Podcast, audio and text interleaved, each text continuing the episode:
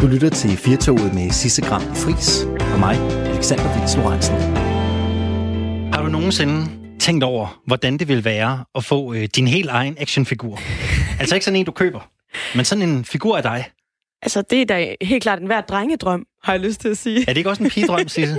det, er jo, det er lidt min drøm. Altså, det, jeg synes jo, øh, vi har jo en fyr i studiet senere i dag, som laver actionfigurer, og siden jeg har hørt det, har jeg nærmest ikke kunne tænke på andet. Nej, altså du var lidt inde på det, men jeg kunne godt tænke ja. os, at vi lige dvælede ved det et øjeblik. Lad os gøre det. Altså, nu prøver jeg at lukke mine øjne, ikke? og så prøver jeg at beskrive, hvordan du synes, en, ja. en actionfigur af Sisse Gram de Fris okay. skulle se ud. Hun er selvfølgelig iklædt sorte Converse-sko. Lidt hårdt snøret til. Mærket er vigtigt, kan jeg mærke her. Det er det, fordi ja, det er jo en del af min identitet. Tilfældigt. Jeg går yes. i Converse. Ikke? Det er, er ikke sundt for fødderne, men det går jeg i. Så har hun nogle lidt billige leggings på fra en genbrugsbutik, men man kan godt se, at hun har stærke benmuskler indenunder. Det kan man tydeligt se. Det er liggende. God, god læg. Det er god læg. Ja. God læg.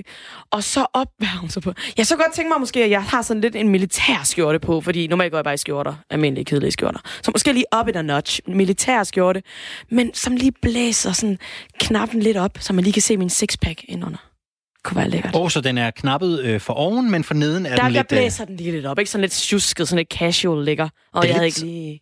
Sådan en kappeform næsten. ja, så kan man godt sige det. Ja. Og så store overarm selvfølgelig. Høj hestehale. Lædersnor i. Og så en øh, lidt skarp foundation og sådan en, øh, en sort eyeliner, der går lidt for langt ud. Hvorfor lædersnor til det, håret? Det er bare sejt. Ja, men det, man behøver ikke vælge alting. Nej, det kan præcis. jeg da godt følge dig i. Det er der Nogle ting er bare sej. Har, hvordan skulle du se ud? Det ved jeg, det ved jeg ikke, Sisse. Nu står der noget, jeg ikke har tænkt over. Jeg... Jamen, jeg tænker, øh, jeg tænker, at han i hvert fald lige skulle være 10 kilo lettere. øh, eller også så skulle, øh, så skulle vægten fordeles nogle andre steder. Måske lidt mere på armene. Jeg kunne godt tænke mig, Sisse, ja. at, at måske... At det der nede, det røg op? Jamen, jeg, jeg kunne godt tænke mig, at det, der er under mine arme, ja, lige blev vendt. Øh, så, så, så det kom op ja, side der? det tror jeg vil være meget fedt. Og så et eller andet, så skulle han slæbe en ølkasse, tror jeg. Sådan, sådan en... Han går en ølkasse, der sidder op på den ene overarm, som sådan en boomblaster. Ja, lige præcis. Ja, ja, præcis. Det kunne jeg godt forestille mig. Noget i den stil. Du ved, sådan en... Øh, måske lidt en antihelt-type. Ja, ja. Det, det kunne jeg godt. Altså, jeg har altid følt med de svage i vores samfund. Så måske en antihelt-type. Sådan en, en hverdagshelt. Så har jeg altid lidt set mig selv. Eller, Eller hvad man nu siger. Det er godt, vi får en psykologistuderende i studiet senere, som lige måske kan tage et take på den udtalelse der. Ja, det kan godt være. Øh, men jeg er endnu mere nysgerrig på, om vores øh, skulptør kan øh, trylle et par figurer af dig og mig frem. Meget, meget spændende. Så bytter vi, ikke? Så får du mig med hjem, og jeg får dig med hjem. Okay, den var jeg ikke lige klar på. Men, men jo, selvfølgelig, jeg vil da gerne have Alexander Vils Lorentzen til at stå hjemme på min reol. Men det er en ekstremt, øh, en ekstremt dygtig fyr, vi får besøg af. Han har jo lavet en hel del af de her øh, figurer. Det er jo sådan nogle små, jeg ved ikke, hvad man kan sammenligne dem med. Sådan nogle Disney-figurer, man fik ikke, altså nogle i, i legetøjstørrelse. Det er jo sådan noget, ja. han, han fremstiller. Er det ikke sådan nogle, de, de kan også bøje i knæled og albuled, ikke? Så de sådan... Ja, og det han har jo blandt andet lavet af, af Uffe Elbæk i tyldskørt. Ja. Som øh, alle kan huske en, en berømt video, hvor de danser i tyldskørt i Alternativet. Præcis. Øh, sådan en figur har han lavet, øh, og han har lavet øh, de to tvillinger fra Holstebro. Ja. Jeg tror, de hedder Anders og Torben. Jeg kan ja, faktisk ikke Anders huske det på stående. Yes. Jo. Anders og Torben, de, ja. du ved, de går jo i præcis det samme tøj, og øh, arbejder på samme arbejdsplads, og har de samme venner, og spiser det samme mad, og de bor under samme tag. Øh, dem har han lavet, og han laver kun én version af hver. Oh, det er meget unikt. Det er sådan rigtig collectors-agtigt. Ja, og, og Anders og Torben har fået øh, figurerne øh, af dem selv. Så det er jo spændende at se, hvad han kan gøre ud af os. Og måske vigtigst af alt, hvordan han har fundet på den her idé. Men for det er jo en lille smule sjovt. Vi, vi to vi er da ikke kendte nok til at få lavet sådan en, tror det, det tror jeg heller ikke, du har ret i, men øh, det kan jo være, at der er nogen, der vil byde på os derude. det, det, ved man, det ved man jo aldrig. Det kan være, at vi er, vi er heldige. Øh, Sisse, i dag der taler vi jo også om øh, om særligt øh, begavede studerende, eller i hvert fald studerende, som har været så heldige at få et øh, godt snit med sig ud af gymnasiet. Fordi de øh, har jo en tendens til at samle sig i en eksklusiv klub. Ja, og de klubber, de hedder jo øh, de her øh, fire uddannelser, som øh, vi besøgt i dag. Det er en jurastuderende, en statskundskabsstuderende, en medicinstuderende og en psykologistuderende. Nemlig. Det er der, de øh, studerende ja. med de højeste snit, de øh, samles. Og øh, for mig, jeg har ikke gået på nogen af de studier. Det har du heller ikke. Next. Så vi ved jo ikke rigtigt, hvad det er, der driver sådan en ægte medicin- eller psykologistuderende. Det prøver vi at finde ud af i dag. Vi det har fire dejligt. Ja. friske unge mennesker stående og vente på os uden for øh, studiet. Jeg tænker, det bliver rart at få brudt min fordom lidt, lidt ned her. Fordi jeg kunne godt være lidt tilbøjelig til at have en fordom mod øh, de mennesker, der har sådan meget høje snit. Ja. At, øh, at de måske godt kan være sådan lidt svære ved at indgå i en, en hyggelig samtale. Jeg havde selv et højt snit, da jeg gik ud af gymnasiet. Nå for søren. Det var Jamen, øh, det er jeg da glad for, at jeg lige fik sagt. Jeg kan sige til lytterne, der er super akavet stemning herinde lige nu. Jeg tænker, at det ikke overrasker dig. Men Sisse, vi taler jo også om... Øh, vi taler jo også... Hvis man, hvis man er kommet ind på jura eller psykologistudiet, så har man måske også haft et godt fritidsjob. Ja, det, det har man nok. Og det med fritidsjobs, det er jo netop noget, vi taler om i dag. Vi vil gerne høre fra jer lytter. I er allerede begyndt at sende sms'er. Det er bare skønt. Keep them coming. Men vi vil gerne høre fra jer. Hvilke fritidsjobs har I haft?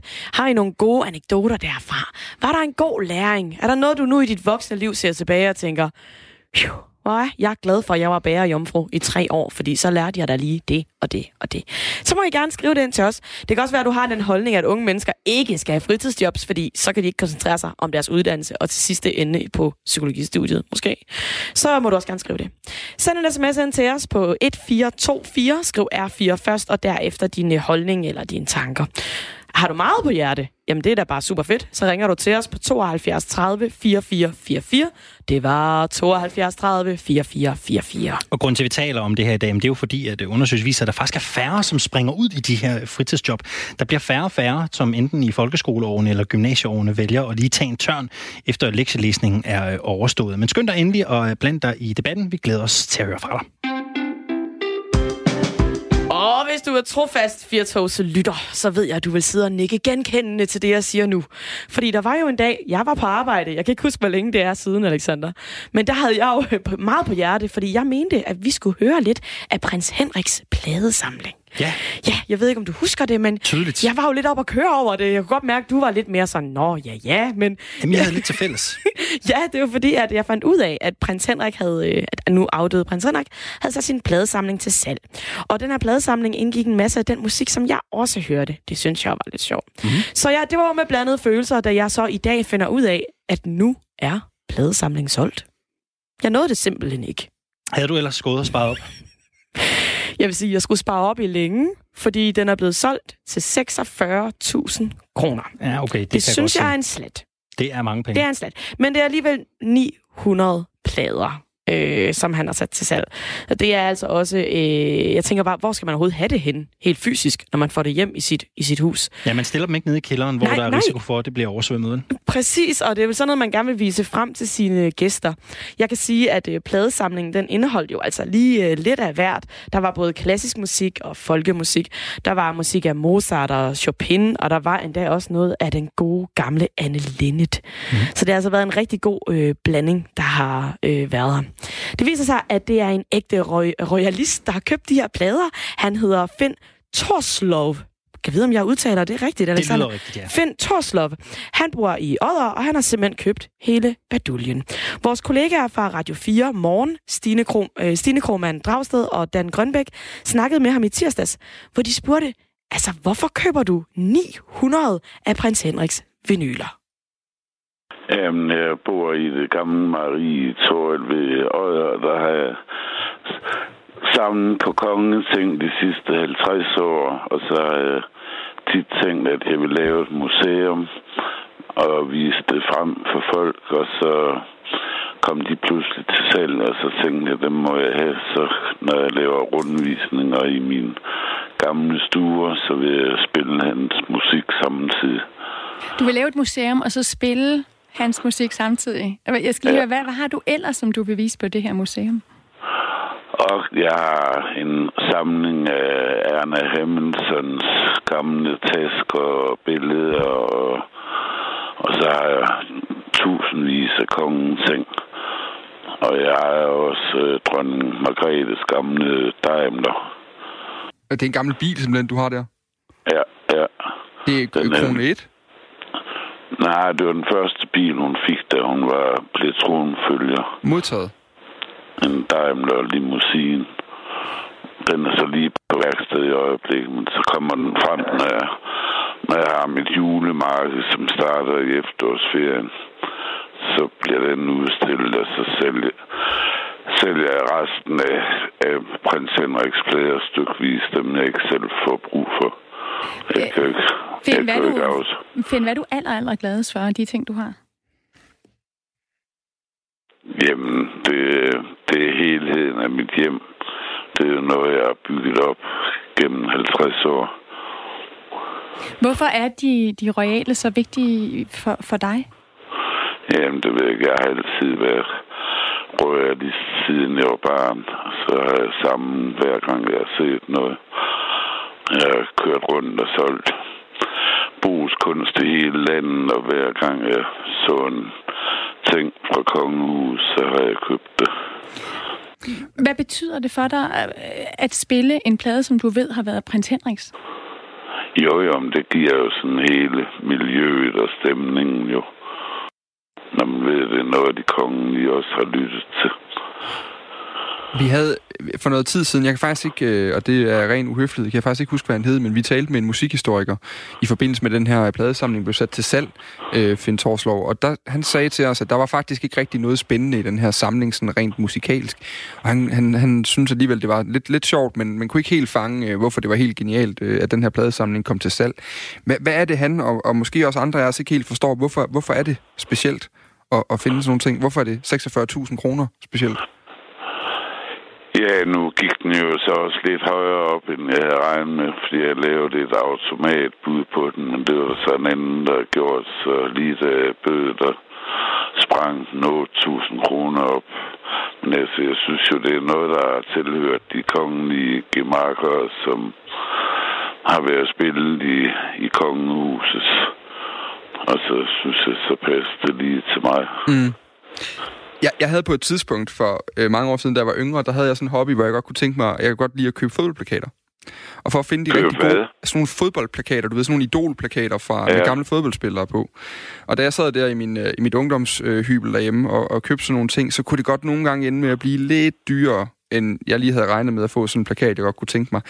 Øh, og det endte med at blive en ret dyr hobby. Hvor, hvor, hvor dyrt... nu fortæller du om en Daimler, og du har en pladesamling nu til 46.000 kroner, og alle mulige andre artefakter. Hvor, hvor meget står den her royale samling der i efterhånden, Finn Torslov? Ja, det, det ved jeg ikke. Jeg gav 240.000 for Daimleren i sin tid på aktion. Og ellers selv. Alle de andre ting, jeg har, det er sådan noget, jeg har købt hen ad vejen, hist og pist. Så det er ikke sådan lige tæt på. Sådan en slag på tasken? Jamen, det står måske en halv million eller sådan noget. Øhm, Finn Torslov, har du mødt øh, nogle af de danske kongelige? Jeg har mødt øh, øh, Margrethe en gang i Hvide Sande, da der var jubilæum. Der fik hun en buket blomster af mig.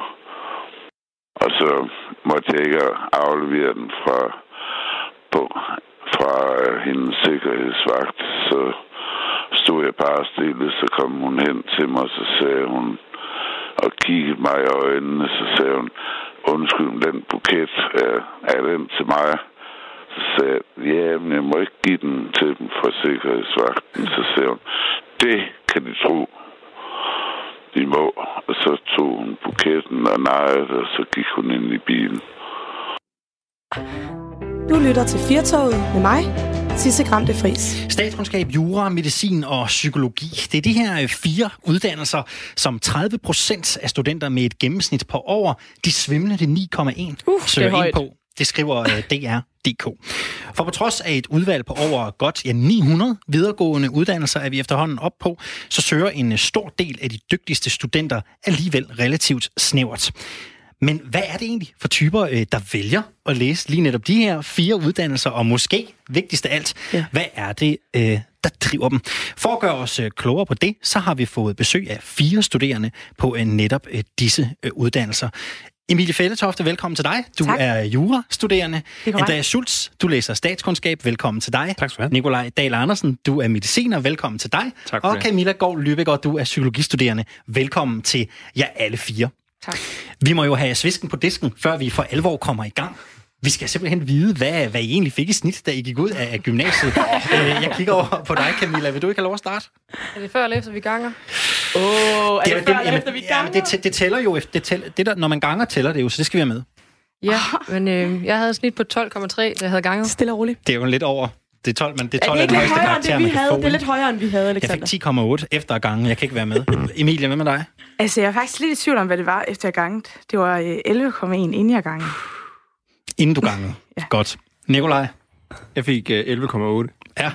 Og til sidst Andreas. Ja, det er jo lang tid siden, var efterhånden. Øh, jeg tror også, jeg var 12,2 eller sådan noget. Hvis vi skal snakke om de der skide karakterer. Det ja, bliver vi nødt til, fordi nu skal vi jo simpelthen, nu skal vi simpelthen vide, hvad, hvad, hvad, det er, øh, hvad det er, der ligesom driver værket.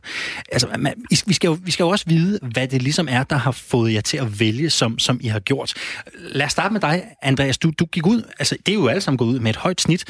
Altså, Andreas, hvor vigtigt var det for dig, at du havnede på et studie, hvor du ligesom vidste, at niveauet ville være højt? Hmm. Altså for mig var det egentlig vigtigt bare at få et højt snit, så jeg kunne vælge frit. Altså, der er jo adgangskrav på alle uddannelser, og så var det jo fedt at have alle muligheder. Øh, vigtigere for mig var det nok egentlig, hvad man lavede på det studie der.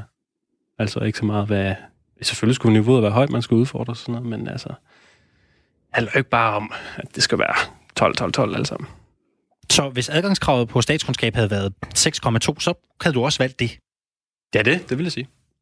Nikolaj, øh, hvad, hvad, har sådan, hvad har været drivende for dig i valget af din uddannelse af medicin?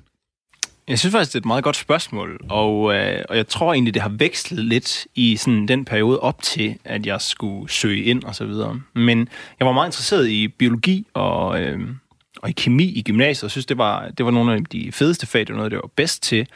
Og så kunne jeg samtidig rigtig godt tænke mig at arbejde med mennesker, og øh, den der kobling, den fandt jeg enormt passende ved medicin. Og øh, det har jeg været glad for, at jeg har valgt. Øh, Emilie Fældtoft, mm. min øh, tvillingebror, han øh, har også læst øh, jura, og han var sådan en i gymnasiet, han var ikke rigtig klar over, hvad det var, han skulle give sig i kast med, men han vidste, at jura, det var sådan et sted, hvor øh, mulighederne var mange, og så ville lønnen også være god, når man engang var, var færdig.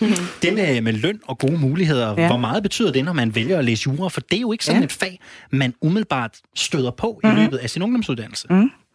Jamen, øh, jeg tror, jeg minder lidt om din bror, i hvert fald i tanken om at være i tvivl, men jeg synes, jeg passede ind på mange uddannelser. Øh, jeg vil sige, det har ikke været et moment med løn øh, i forhold til, da jeg skulle vælge uddannelse. Det er faktisk først efter, jeg begyndte at læse jura, at det er blevet klar. Altså, der er en kæmpe hype omkring det, altså sådan, så det var efter mit valg. Øh, men jeg vil sige, i, hvad var det andet, du spurgte om? Jamen altså det her med de mange muligheder og lønnen, altså det der, man ved jo, Ja, at mm. der er, alt, prøv at høre, der er jo altid brug for en advokat, der er altid brug ja. for en jurist. Ja. Der er folk, der bliver skilt, der er virksomheder, der skal overdrages, Ja, der er mm, dødsboer, mm, der skal mm. fikses. Ja. Der er altid behov for en jurist. Altså, da jeg gik i gymnasiet, vidste jeg meget lidt om jura, og ærligt talt, så vidste jeg nok øh, ikke lige så meget om jura, som jeg vidste om nogle andre uddannelser, altså inden jeg øh, søgte ind, øh, nok netop fordi, at man ikke har jura i gymnasiet. Øh, så det var også lidt et sats. Camilla, hvem er det, man øh, møder, når man går ind på øh, psykologistudiet på Aarhus øh, Universitet? Hvad er, det for en, hvad er det for en type mennesker, der læser der? Øhm, jeg har lyst til at sige, at det er meget forskelligartede mennesker, men så vil jeg nok også lyve lidt. Øhm, man kan, gå, oh, man kan komme i problemer af det her. Det må man gerne. Her må man Ja. godt være politisk ukorrekt. Ja, der er øhm, mange, der overtaler piger, det kan jeg sige, fordi det, øh, det er til at bevise statistisk. Øhm, der er også, for mig at se, overtal af piger, der har knoklet rigtig hårdt, øh, og lagt rigtig stor fokus på det boglige. Er det 12-talspigerne, man møder på psykologistudiet? Det er, De er meget omdiskuterede 12 Dem er der en del af, ja. men der er også en del, der ikke er der, som har været i tvivl, om det skulle være alle mulige andre uddannelser, hvor jeg nok vil kategorisere mig selv. Øh, jeg har jo været konditor, faget, øh, og mange andre uddannelser, antropologi. Øhm, så der er også folk, der ikke har lagt alle kræfter i bøger i gymnasiet, men også har dyrket sport, og interesserer sig for alt muligt andet, end hvad der foregik i bogen, og hvad der gav en god karakter. Nu kører øh, debatten jo, øh, fordi at, at man har gjort op, at, at de her fire uddannelser, det er jo her, øh, den, øh, den unge akademiske elite, den, den samler sig. Øh, Andreas, øh, nu kigger jeg over på dig. Du er statskundskab, og du skal ud og analysere samfundet. Du skal ud og arbejde med de store øh, dagsordner senere her, her i livet. Kan du godt forstå, at der måske er nogen, der synes, det er et problem, at vi får nogle uddannelsesmæssige A- og B-hold? Mm, ja, det kan jeg godt se. Altså, min, min søster, hun læser til pædagog, og hun har i hvert fald fortalt mig flere gange, at hun ofte skal sådan ligesom retfærdiggøre det lidt over for sine venner. altså sådan øh, forklare, hvorfor hun egentlig havde valgt det, og skulle hun ikke bruge det der snit til noget, ikke? Og alt det andet. Man tænker det sådan, det der karakter som sådan en form for ressource, ikke? Man skal, man skal have brugt det hele. Øhm, så jeg synes, at det er vigtigt, at vi får en masse forskellige uddannelser, og en masse unge, der søger ind på alle mulige forskellige uddannelser. Jeg, jeg er nødt til at sidde og... Der er simpelthen noget, der presser sig på herover. Men jeg vil gerne bede jer om at svare fuldstændig ærligt. Og det er faktisk også lidt svært for mig at spørge om det her, fordi det er sådan noget, jeg altid har lidt lyst til at spørge om, men ikke rigtig tør. Øh, når man læser en af de her fire uddannelser, come on, er der ikke bare en lille del af det, der også handler om, der er noget prestige i det her også. Det er altså fedt. Det er altså fedt at kunne sige, at man læser til medicin. Ikke? Er, det, er det noget, der spiller ind, eller vil I sige til mig, det spiller overhovedet ikke ind i vores overvejelser omkring, hvilken uddannelse vi skulle tage? Jeg tror godt indrømme, at, øh, at der er prestige i at læse medicin. Når jeg siger til folk, at læse medicin, så, så er der nogen, der sådan lige er ved at vælge bagover indimellem. Okay. Og, øh, og jeg prøver øh, som regel at forklare dem, at øh, vi er ganske normale mennesker. Men, men jeg tror, en, en, en del af årsagen til, at snittet på medicin er så højt, det handler om prestige. For øh, jeg plejer, og når der er nogen, der spørger, at jamen, er det ikke mega svært? Og øh, det er ikke mega nemt, men jeg tror, at øh, størstedelen af befolkningen vil kunne læse medicin, hvis blot de ville lægge timer nok i det, fordi det er mere er et sliderstudie, end det er et øh, have en høj IQ-studie. Så, øh, så jeg tror, at øh, jeg tror, der er rigtig meget prestige i det, og, øh, og det er det, der gør, at snittet kommer rigtig højt op på medicin, i hvert fald, sådan som jeg ser det. Nu øh, kan vi jo, øh, nu er vi lidt inde på det her med prestige. Man møder jo også som studerende mange øh, fordomme. Jeg kan huske, at jeg læste journalistik, der blev jeg altid mødt med den fordom om, at, at jeg må være et særligt, øh, et, et nysgerrigt menneske. Nu ser jeg lige, om du har høje hæle på under bordet, Emilie. Ja. Mm har du ikke i dag. Nej. Det er vel sådan noget, jeg godt kunne tænke om en jurist, øh, ja. i hvert fald. Øh, og, og Camilla, jeg kunne godt forestille mig, eller hvis vi kører rent fordomspær nu, ikke, så kunne jeg godt forestille mig, at hvis jeg møder dig og dine veninder til en fest, så når vi havner ude i køkkenet og ryger en cigaret eller drikker en øl, så er der øh, nogen af jer, der har lyst til at fortælle mig, hvorfor jeg er, som jeg er som menneske. Hvilke fordomme møder man, når man er henholdsvis øh, jurist og psykologistuderende? Øh, lad os starte med dig, Emilie. Altså, jeg vil sige, jeg synes, jeg møder vanvittigt mange for det første. Altså, gentagende gange er jeg blevet spurgt, om jeg er kedelig. øh, fordi at jeg bruger al min tid på at læse love. Og så er jeg også blevet spurgt, om jeg er øh, magtliderlig. Øh, jeg er også blevet spurgt, om jeg er bare ude på at tjene gode penge. Øh, og så også, om jeg, ja, om mine forældre tjener mange penge, og, øh, og mine søskende er akademikere jeg synes, der er, der er rigtig mange fordomme. Og en af dem, det er nok også, om vi går i høje sko, spidse sko og øh, blæser hele tiden. Ja, jeg synes, ja.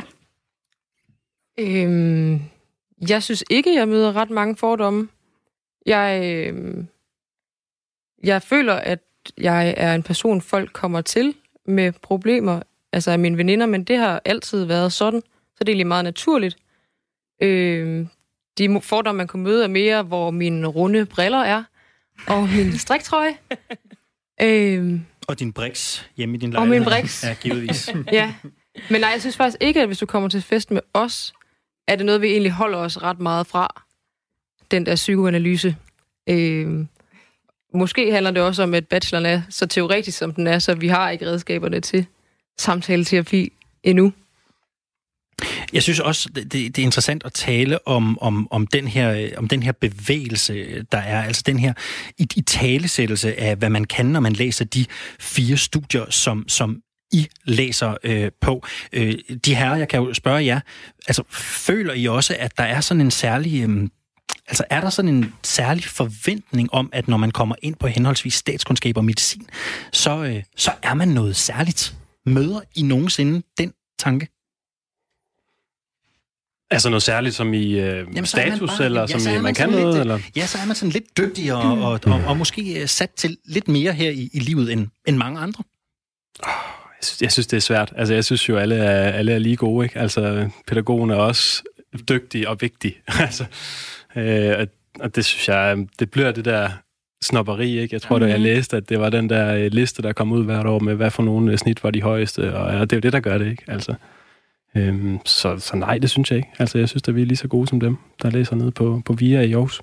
Og du nikker, øh, Ja, jeg er virkelig enig i. Altså, øh, Jeg synes simpelthen, det er sådan en skam, at der er mangel på øh, håndværkere, for eksempel. Og det, det tror jeg er et prestigespørgsmål. Og øh, jeg har en bror, der, læser, eller der er uddannet, ved at uddanne sig til tømrer, og jeg tror, han bliver en fantastisk tømrer. Og øh, jeg synes, det er en skam, at, at der måske... Jeg tror godt, jeg kan sige, at der er måske en tendens til, at der er mere prestige i at være læge, end at være tømrer. For jeg synes egentlig, at vi har i samfundet, og vi har brug for, vi har brug for begge dele. Og øh, ja, jeg, jeg synes ikke, at øh, han er mindre værd, fordi han er tømrer, end jeg er, fordi jeg måske bliver læge en dag. Der er relativt stor søgning mod jeres øh, studier. Nu kigger jeg særligt over på, på juristen. Jeg tror på Københavns Universitet, der optager man jo er det 800 studerende, man måske optager om året på sådan en første årgang. Man optager i hvert fald rigtig mange ja. studerende. Øhm, I skal jo alle sammen ud og have et arbejde bagefter. Mm. Det er populære studier. Mm. Er I for mange? Altså, når du sådan har din hverdag på Aarhus Universitet, er I, mm. er I ved at drukne i jurister? Er I for mange, eller hvordan synes du, det ser ud? Altså, studiet er vi jo dem, vi er. Vi er et kæmpe studie, og det kan man godt mærke, når jeg sammenligner med mine venner, der, der læser mindre, til, mindre studier. Så kan jeg også godt mærke det, når jeg søger studiejobs, øh, især her i Storbyen. Øh, det er derfor, jeg også tror, at øh, ude i Vestjylland, der prøver de at hungre os til, fordi vi bor så langt væk fra Vestjylland, og de mangler studerende, der har lyst til at tage et studiejob der. Mit indtryk er, at mit klare indtryk er, at der er juristjob derude til os alle sammen øh, spørgsmål, der er bare, om vi alle sammen skal arbejde for de store advokatkontorer og tjene en mega fed løn, øh, eller om vi måske skal også øh, ture og bevæge os ud i den offentlige forvaltning, øh, som mm.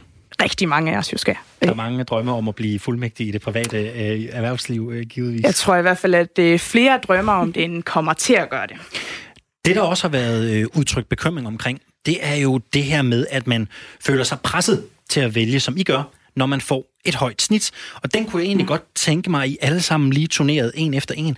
Altså, har I, øh, har, I følt, øh, har I følt pres, enten hjemmefra eller fra samfundet, til at vælge noget, der kræver et højt snit, når det nu er det, I har bedrevet det til? Øh, Camilla, lad os starte over dig. Jeg har ikke personligt følt et pres.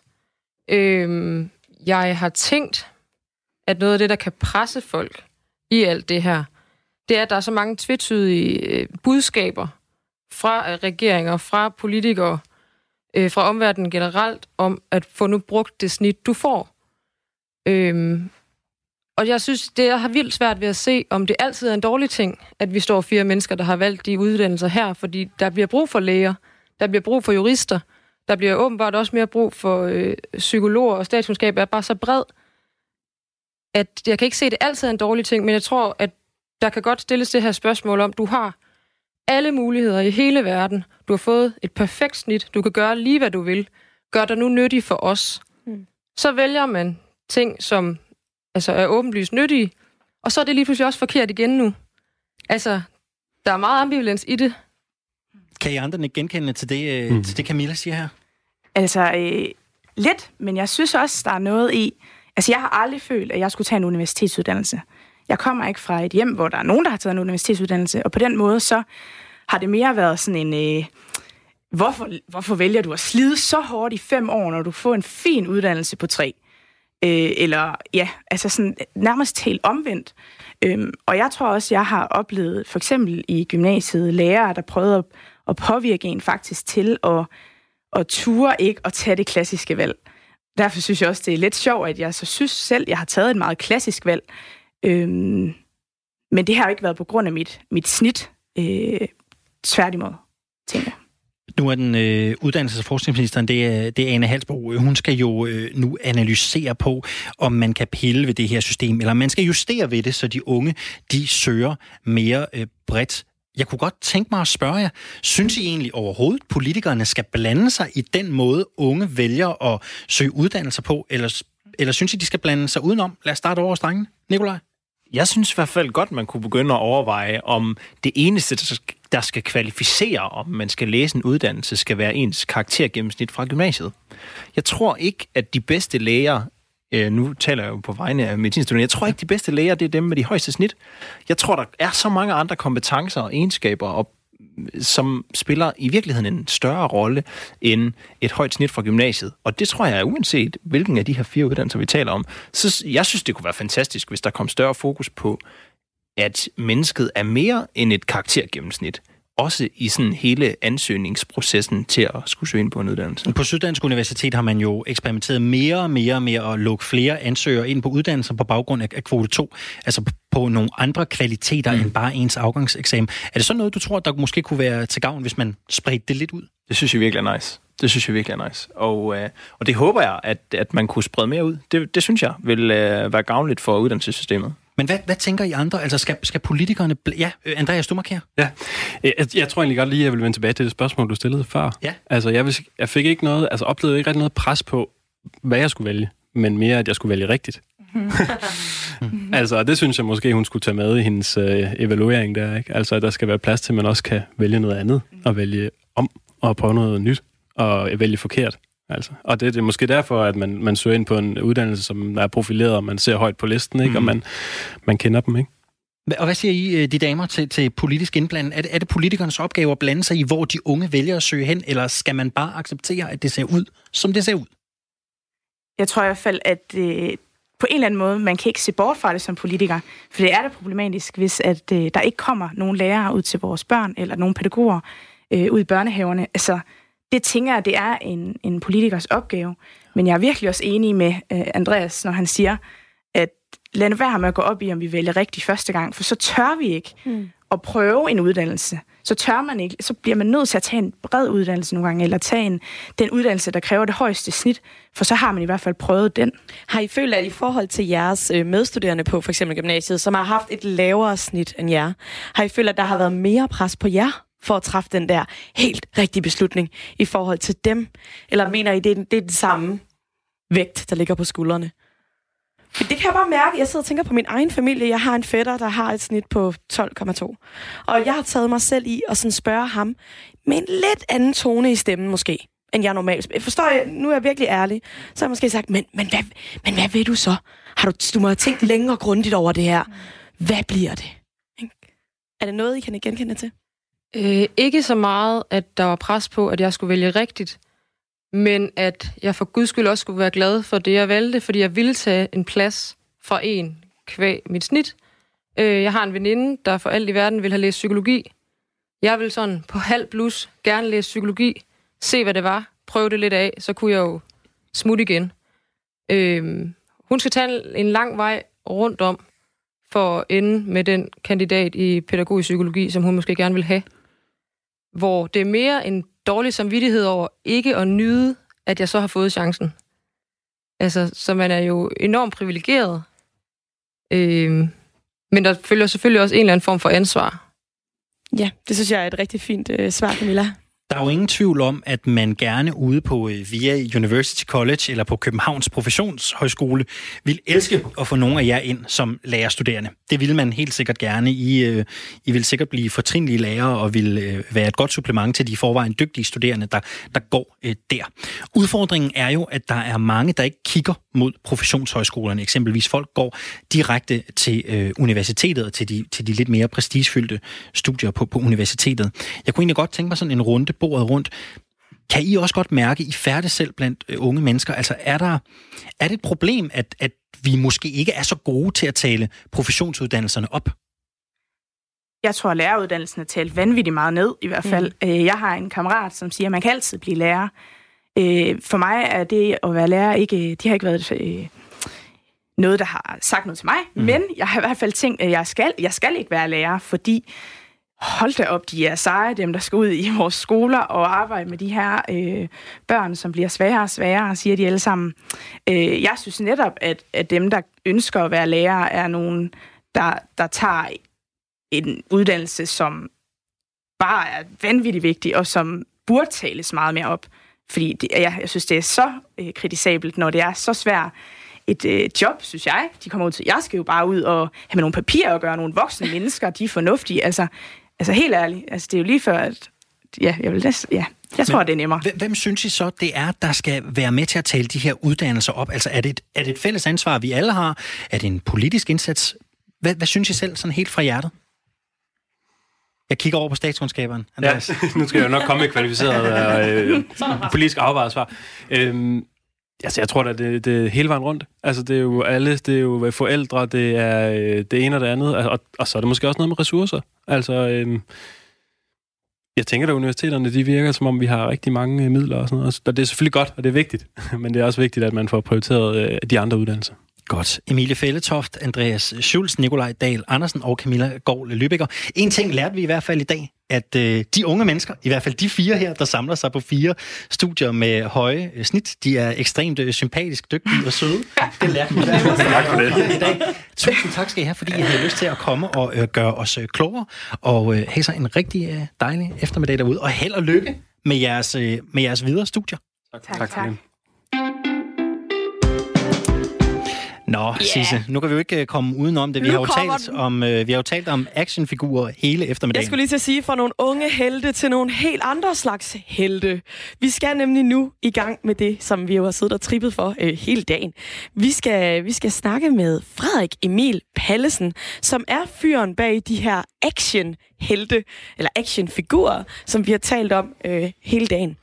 Og øh, det, som øh, Frederik han kan, det er, at han laver de her actionfigurer, ud, hvor han ligesom laver dem som en kendt person, vi allerede kender. Og du nævnte tidligere, Alexander, at øh, Frederik har for eksempel lavet Uffe Elbæk med tylskørt og hele mulivitten. Han har også lavet de øh, to tvillinger fra Holstebro, Anders og Torben. Og det er kreativt. Og vi kan jo lige prøve at høre et øh, par lydklip af nogle af Ja, dem, som øh, vi har øh, fået øh, produceret igennem øh, vores helt her. Du er sgu da smart, mand. Prøv lige at høre, I skal da ikke køre på den der... Det skal, du er dæmme smart, mand. Jamen, jamen, jamen, det, det, det, det, hvad, hvad, var det crazy, det her, mand? Er det? Jeg vil ødelægge dem. Forstår du ikke det? Men hvorfor? Altså, jeg forstår ikke, hvorfor at, at du gerne vil ødelægge dem. Jamen, hvad er dit problem der, mand?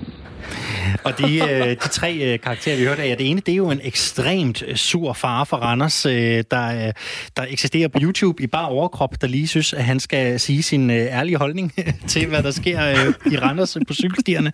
Så var det Uffe Elbæk på, på valgaften i Ja, 2015, der sagde, det er crazy. det, her. er- Han kunne ikke lige forstå valgresultatet. Og det sidste, det er jo ham, der er blevet kendt som White Pride. Ja, ja, Tossen er han kendt som Mhm. mm-hmm. i et interview på TV2-nyhederne, hvor han simpelthen synes, at journalistens spørgsmål er så dumme, at øh, det eneste logiske svar, det må være at gå over og skubbe til ham og sige, hvad du ikke fatter, mand?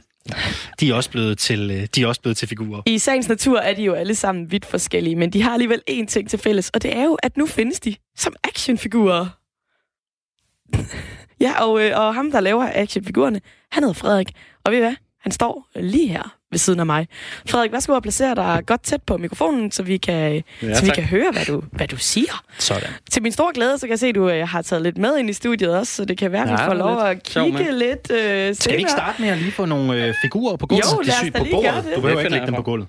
Nej, bare læg dem på bordet. Åh, oh, der var lige en sjov en, jeg glemte her? Ej, det er jo fra rockerne. Det Der er den der glemt fra rockerne. DR satireserie. Ja. Det er Esben... Øh, det er, nej, det er Rune Tolsgaard, tror jeg, han hedder. Eller Esben Pressmann. Nej, jeg der kan ikke har vi huske, jo. Fælbæk i tyldskørt. Ja. Hvor er han smuk. Og du får ham tørsen. Nej, det er ham fra TV2-interviewet. Vi lige uh, hørte uh, White Ej, Pride Torsen. er det skønt. Øh, Ja, og mens du står her og pakker lidt ud, Frederik, Ja. jamen, øh, så lad os da bare få det store spørgsmål på banen. Hvorfor?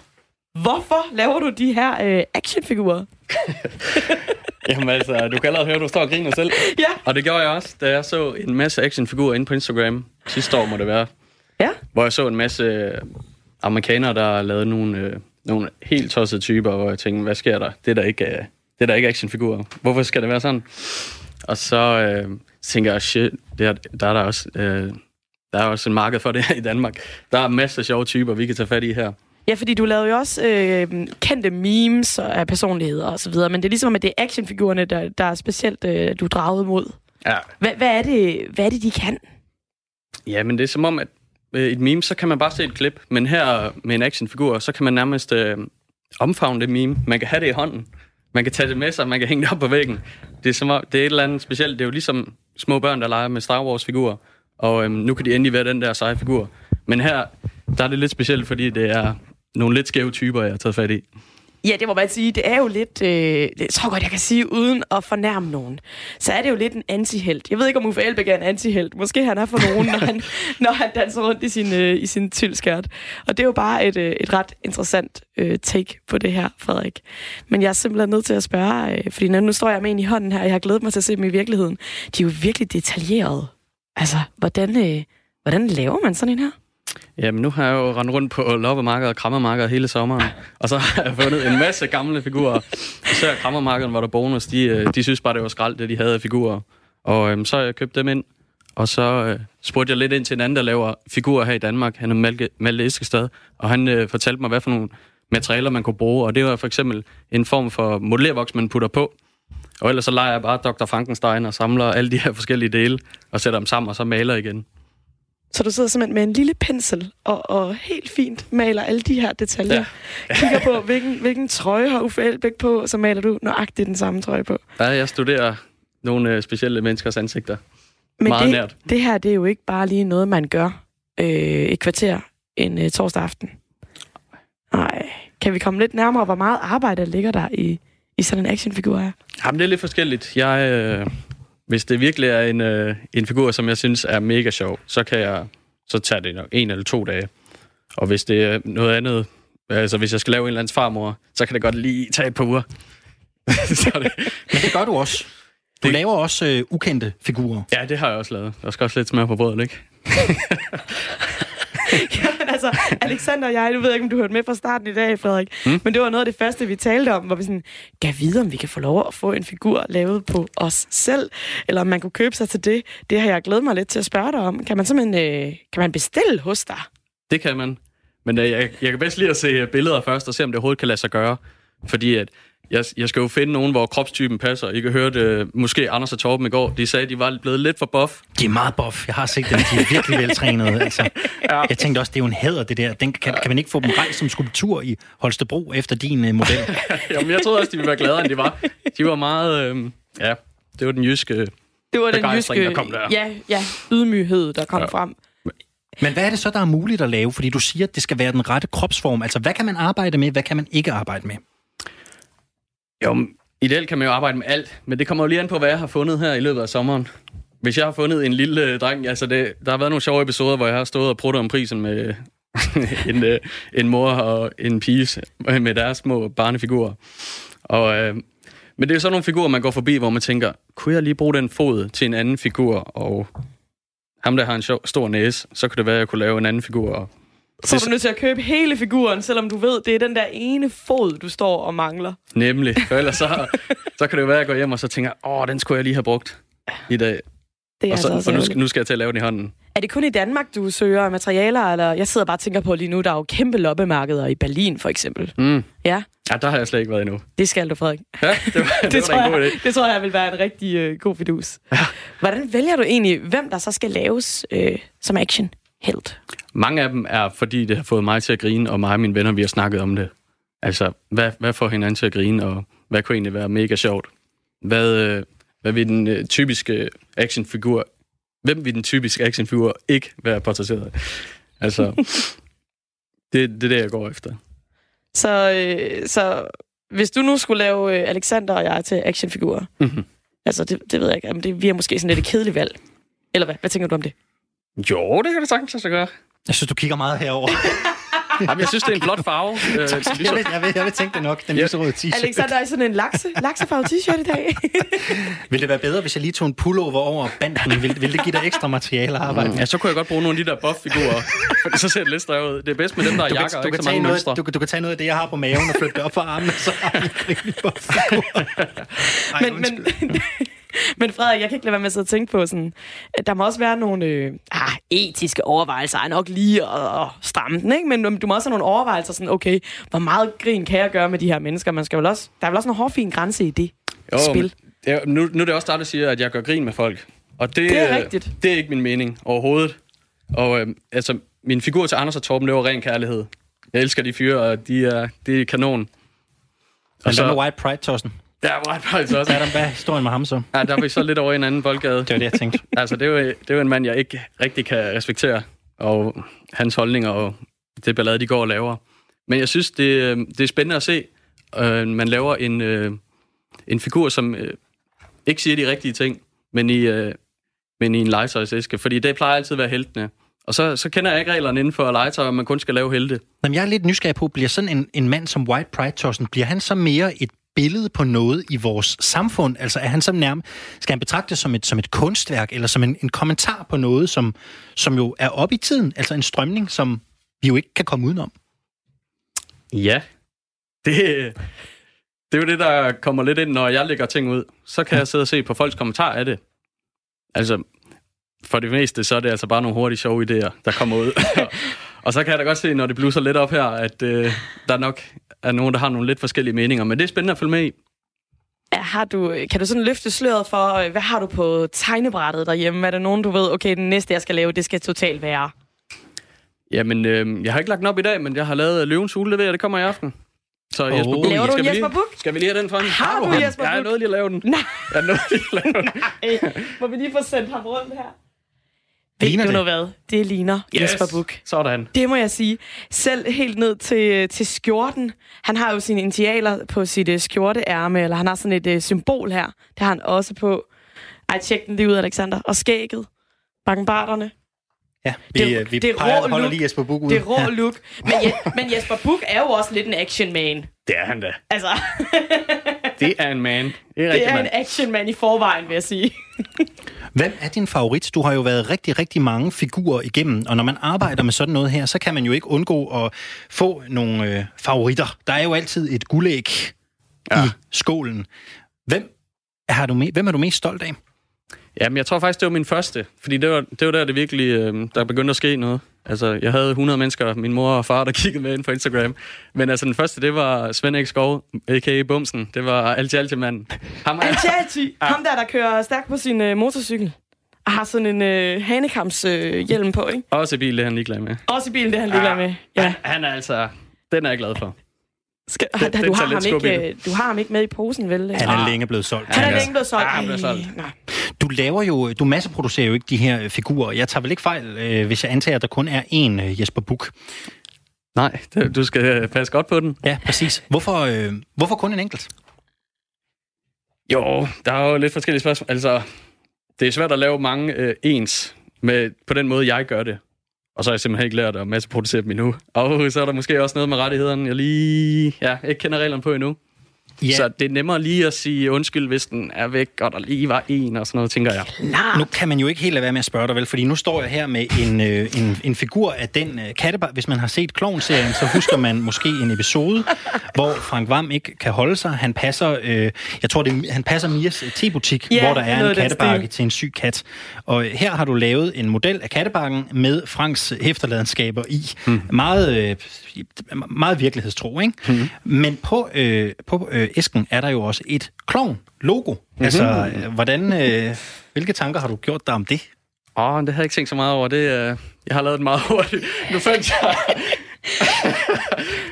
Ja, altså, det er jo en lille begyndelse, det her. Øh, det kan jo være, at du lige skal have tjekket det ud, Ah, Frederik. men jeg, jeg ved også, at drengene de er kendt for at øh, nuppe lidt noget nogle andre steder. Så. Det kan og man jeg ved, jeg ved, de har god humor. Jeg tror lige, kloven bliver nok ikke, øh, bliver nok ikke noget problem. men, øh, men spøj til side, Frederik. Øh, skimter, du ikke, øh, skimter du ikke en god forretning? En her, egentlig? Åh, oh, det... Øh, På det, sigt? Ja, på sigt, tænker Ja, jeg. ikke lige nu nødvendigvis. Men øh, på sigt. Ja, men det svinger mig. Jeg har lagt nogle af dem op til på øh, eBay, hvor det, det er en aktion jo. Yes. Så bestemmer folk selv prisen. Og øh, det har varieret fra 100 kroner til øh, 1800. Ja, for det var mit næste spørgsmål. Hvad ryger de til? Ja. Ja. Ja, men så er det ude. Så er det ude. Ja. Det er jo, øh, hvad med altid, altid, manden? Det var omkring 500-600 kroner. Det er jo da flot, for jeg sidder og leger med skrald derhjemme og samler sammen. Og det skal jo siges, at du har jo en rimelig omfattende produktion. En ting, det er, øh, det er, jo, det er jo de her figurer, men jeg faldt også over et meget øh, smukt maleri af, Candice Johnny, Ja, øh, som du har til salg inde på din, inde på din hjemmeside øh, til, øh, til, til 1.500 kroner. Hvem, øh, hvem køber dine produkter? Hvem er dine købere? Jo, men jeg tror, jeg tror meget, det er førstegangskøbere. Mange, der skriver til mig, de, øh, de får lidt et chok, når jeg siger prisen på noget. Og øhm, med de timer, jeg lægger i det, så ah, jeg synes, det er lidt billigt faktisk alligevel. Men jeg tror, lidt bumset teenager, de her figurer her. Men nu har jeg valgt at brede lidt ud og lave nogle øh, lidt øh, bredere figurer. Men Frederik, du Så. siger, de får et chok. Jeg forstår faktisk ikke. Er det fordi, de synes, det er dyrt? Fordi det, Det- synes jeg da ikke, når man tænker på, det er, det er jo en unik figur, som du bruger så mange timer på. ja, det synes jeg også. Okay. Men, øh, men man hører ikke noget bagefter. så kommer den. Det skal jeg lige tænke over. Så jeg, jeg tror, at de lige skal vente sig til, at det er egentlig noget, man kan hænge op på væggen og have resten af livet.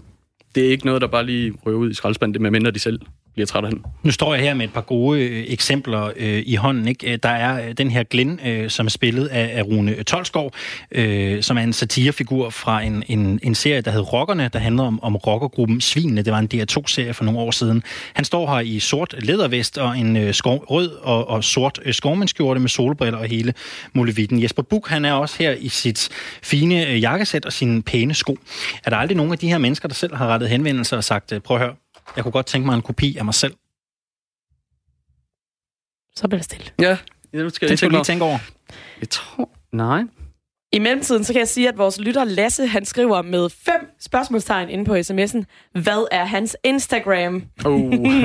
Den må komme ud nu. På mænd, Frederik. Hvor kan vi finde det her hen? Snabelag Frederik Emil Pallesen. Snabelag Frederik Emil Pallesen. Sådan her med givet videre. Tjek det ud. Jeg var i hvert fald meget underholdt øh, derinde tidligere i dag. Hvad skal det her ende med, øh, Frederik? Hvad er det, hvad, hvor, skal det, hvor skal det lande? Altså, du har jo en omfattende produktion. Øh, du øh, kan til synligheden få det solgt endda til en fornuftig pris. Hvad, øh, hvad er målsætningen? Hvor skal du lande? Ja, det er lidt spændende. Altså, nu har jeg lavet malerier i sidste fem år og hygget mig med det, og det øh, bliver jeg ved med. Det her, det var noget, jeg simpelthen jeg var for interesseret til. Jeg var for nysgerrig, jeg kunne ikke lade det vel ikke. Og øhm, det er en sjov joke lige nu, og øhm, jeg bliver ved med at lave den. Men øh, lad os se, hvor lang tid det bliver sjovt at have de her figurer her, når alle har en figur, der er mor og far. Så må vi se, om det bliver ved. Men øh, jeg synes, det er skide sjovt, og øh, jeg bliver ved med at lave det. Men tænker du, er det sådan noget, du skal... Er det sådan noget, der skal blive big business en dag, eller har du ikke gjort dig nogen tanker omkring det? Nej, jeg har ikke... Jeg laver det, jeg synes er sjovt, og så, øh, så tager jeg den egentlig derfra. Mm, Så vil jeg bare lige sige til, der sidder måske en lytter eller to, eller jeg sidder i hvert fald selv, og tænker sådan, okay, det kan da godt være, det var en meget god gave i det. Er ærgerligt, Valentine's Day er i morgen, fordi det her havde jo været den perfekte gave til min kæreste, ikke? At få lavet sådan en actionfigur af ham. Jeg har, jeg har lavet en actionfigur af... Det var en fyr, der skrev ind, at han vil have en actionfigur af sin kæreste. Perfekt. Jeg, jeg synes, han var modig. Det er da perfekt ting. Og jeg vil bare lige sige, hvis man nu sidder derude og tænker, åh oh, shit mand, jeg kan ikke nå det til i morgen, men det er bare den perfekte fødselsdagsgave. Hvad gør man? Skal man sende dig et billede af vedkommende, eller hvordan er det, så, så kan du vurdere, om det kan lade sig gøre? Ja, tak. Jeg vil meget gerne have billeder, og så kan yes. I skrive til mig direkte ind på Instagram. Så kan jeg tjekke det ud. Godt, her til sidst, nu har Sissa og jeg talt om, hvordan vi gerne ville skildres, hvis vi skulle være en actionfigur. Nu kan du få lov til at fortælle, hvordan du ser os. Hvordan vil du, hvordan vil du skabe os? Du har, skal vi sige, halvandet minut? Jo, men jeg købte jo... jeg købte jo et par... Jeg, jeg købte en hel pakke fyldt med dyr. Og der var en masse sjove, sjove spændende dyr, altså flodheste, giraffer, og så kunne jeg springe over, hvor gaden var lavet, og sætte sådan et par dyr ind i. Ja. Mm? Hvil- Hvilke dyr skulle være hvem, tænker du? Åh... Oh. Ja, det må I selv tage. Ej, bror, der er sgu ingen, der, der, der, Vi lover, vi der ikke er bliver fornærmet, Frederik. Ej, Jeg prøv ved godt, jeg er en kanin. Det er okay. Jeg prøver, jeg skulle til at sige, du sagde en giraf og en, øh, og en flodhest, og jeg ved godt, Ja, jeg er høj, og andet, i Sissa er den, ikke lige så blandt andet i den pakke var der sådan Ja. Okay. Der var også nogle søde hunde. Og... Prøv at høre, prøv at høre, Frederik Emil Pallesen, tusind tak skal du have, fordi du havde lyst til at komme og øh, vise os dit øh, imponerende arbejde. Og det er Ja, altså bare ind på Instagram, hvis øh, der er lidt, øh, lidt nysgerrighed omkring, øh, hvad det er, Frederik han, øh, han kan. Firtoget. Lyt med alle hverdage fra 15.05. Og vi er ved at være slut for øh, i dag, Sisse, og så bliver det spændende at se, om du og jeg bliver en giraf eller en flodhest i kommende tid. Altså, Alexander, hørte du godt, hvad du lige sagde lige før? Nej, jeg synes, du var, smuttede øh, totalt øh, blødt henover. Ja, jeg ved jo, jeg er højt, så jeg er giraffen, og så er du jo... det, der er og så skifter du fordelen- emne. Det er jo det, der er fordelen ved at stå ved, Du har simpelthen lige givet mig en kæmpe sviner på, øh, på landstækkende radio. Prøv at høre, vi har været videre omkring i øh, Firtoget i dag, øh, Sisse. Vi har øh, jo øh, blandt andet talt om øh, denne her eksklusive klub, eller de her fire eksklusive klubber, der danner sig ude på de danske universiteter. For det er jo sådan, at de studerende med de højeste snit, de samler sig på øh, jura, psykologi, statskundskab og medicin. Og vi havde besøg af en øh, række studerende fra de her øh, uddannelser, og øh, de er jo pænt meget ligesom alle os andre, må man jo konkludere. Altså, jeg fik jo aflevet min fordom. Det har jeg brug for lige at sige, når de hører programmet senere. de var jo så søde, og så nemmere at snakke med. Så der var slet ikke noget der. Nej. Nej, det var og, bare skønt øh, op. De mente jo øh, faktisk også, at der nok var en udfordring i at få talt de her uddannelser, der måske ikke har det bedste ry, eller i hvert fald ikke nyder lige så øh, stor mm. prestige, som de fire studier, de kom fra. Altså simpelthen at få øh, talt dem op. Det var der i hvert fald et, øh, et øh, behov for sagde de øh, alle fire her. Vi har også rundet SAS, som jo har været i øh, noget af et øh, palaver, siden de udkom med en øh, ny reklamefilm i går. En værdi øh, baseret reklamefilm, som jo i virkeligheden sætter ord på, at der ikke er ret meget, der er unikt skandinavisk, men det, der gør Skandinavien stort, det er vores evne til at rejse ud i øh, verden og tage ting til os. Vi øh, fik et par bud fra en øh, klog herre på, hvad det egentlig er, der prikker ved os i øh, den her debat. Husk, du kan høre os på Radio 4's hjemmeside eller på Radio 4's app under Firtoget. Programmet er produceret af Metronom for Radio 4, og nu er det blevet tid til et nyhedsoverblik.